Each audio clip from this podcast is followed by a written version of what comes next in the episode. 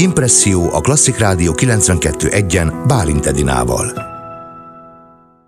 Pénteken láthatjuk a Tiprás című darab ősbemutatóját. A vonalban Zsigó Anna, társíró, dramaturg. Üdvözlöm, jó napot kívánok! Jó napot kívánok, üdvözlöm! Ugye azért mondtam azt, hogy társíró, mert Szabó Zoltán, a társa, tehát ketten írták ezt a darabot. A Manna és a Fügek közös ősbemutatójáról van szó, ez nyitja a tavaszi fesztivál szezont.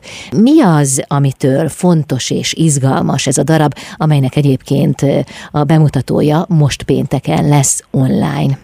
Úgy érezzük, Szabó Zolt kollégámmal, barátommal, akivel közösen írtuk ezt az előadást, hogy egy olyan problémára találtunk rá, ami talán mostanában közelről érinti a mi ö, 30-as generációnkat, tehát tulajdonképpen ezt a generációt érintő kérdéseket, problémákat próbáltuk feltárni és körbejárni. És mi érinti a 30-as generációt? Hát természetesen ez nagyon általánosító lenne, hogyha itt egy-két sarokpontra egyszerűsítenénk le egy egész korosztálynak a problémáit, vagy az őket foglalkoztató kérdéseket, de mi itt a számtalan lehetőség közül most elsősorban azzal foglalkoztunk, hogy hogy talán ö, erről olvashattunk is mostanában gyakrabban újságcikkeket, tanulmányokat, hogy valahogy egy ilyen ö, köztes állapotban van most ez a korosztály, egyre inkább kitolódik az az életkor, amikor ö, a fiatal felnőttek teljesen függetlenné tudnak válni, hogyha egyáltalán erre van lehetőségük, hiszen most már egyre ritkább például az, hogy valaki saját lakást vásároljon, vagy megtakarításokkal rendelkezzen. Nagyon gyakran nem állandó munkahelyen ö, dolgoznak az emberek, hanem ö, projekt alapon, vagy szabadúszóként.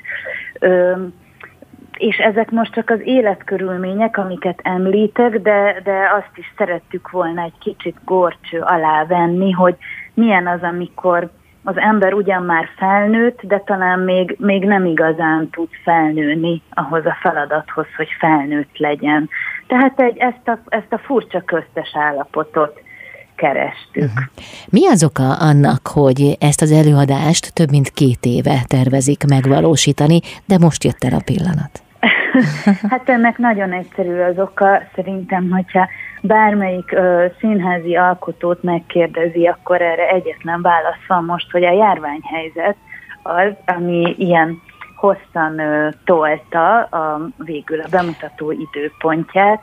Ö, tavaly tavasszal kezdtük el próbálni a darabot, e, összesen egy hetet tudtunk próbálni, amikor az első hullámmal ö, a nagy lezárások bekövetkeztek, így aztán szakaszosan próbáltuk az előadást, de azért azt hozzátenném, hogy ennek megvolt az az előnye, hogy elég sok ö, dologra rájöttünk ö, mindeközben, és így volt időnk is, lehetőségünk Zolival arra, hogy pár dolgot újra gondoljunk, újraírjunk, és a színészekkel egyeztetve természetesen közösen alakítsuk az mhm. anyagot.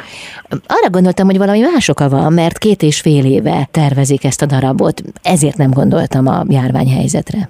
Hát két és fél éve kezdtük el tulajdonképpen megírni ketten, és, és mire összeállt az egész csapat, és próbakész állapotba kerültünk, időpontok is timmeltek, addigra pont sajnos korlátozások következtek be. De most legalább eljött a pillanat, hogy be tudják mutatni. Kik a szereplők egyáltalán, hogyan állították színpadra ezt a darabot? Maga az előadás az egyetlen egy este történetét meséli el, és a darab egyik főszereplője, de én tulajdonképpen mindenkit főszereplőnek neveznék, az egyik főszereplője az maga Szabó Zoltán, akivel közösen írtuk a darabot, és minden mellett ő rendezte is az előadást. És tulajdonképpen az ő története elevenedik meg.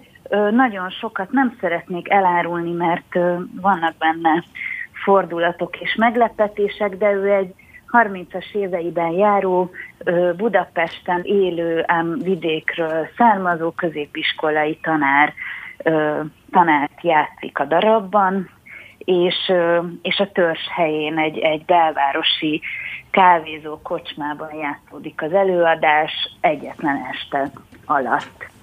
Itt találkozunk az ő barátaival, családtagjaival is, és mindenféle bonyodalmak követik egymást. Köszönöm szépen, sok sikert kívánok, tehát most pénteken a Manna és a Füge közös ősbemutatója lesz látható, ez a Tiprás. Vendégem volt itt az Intermedzóban Zsigó Anna társíró dramaturg.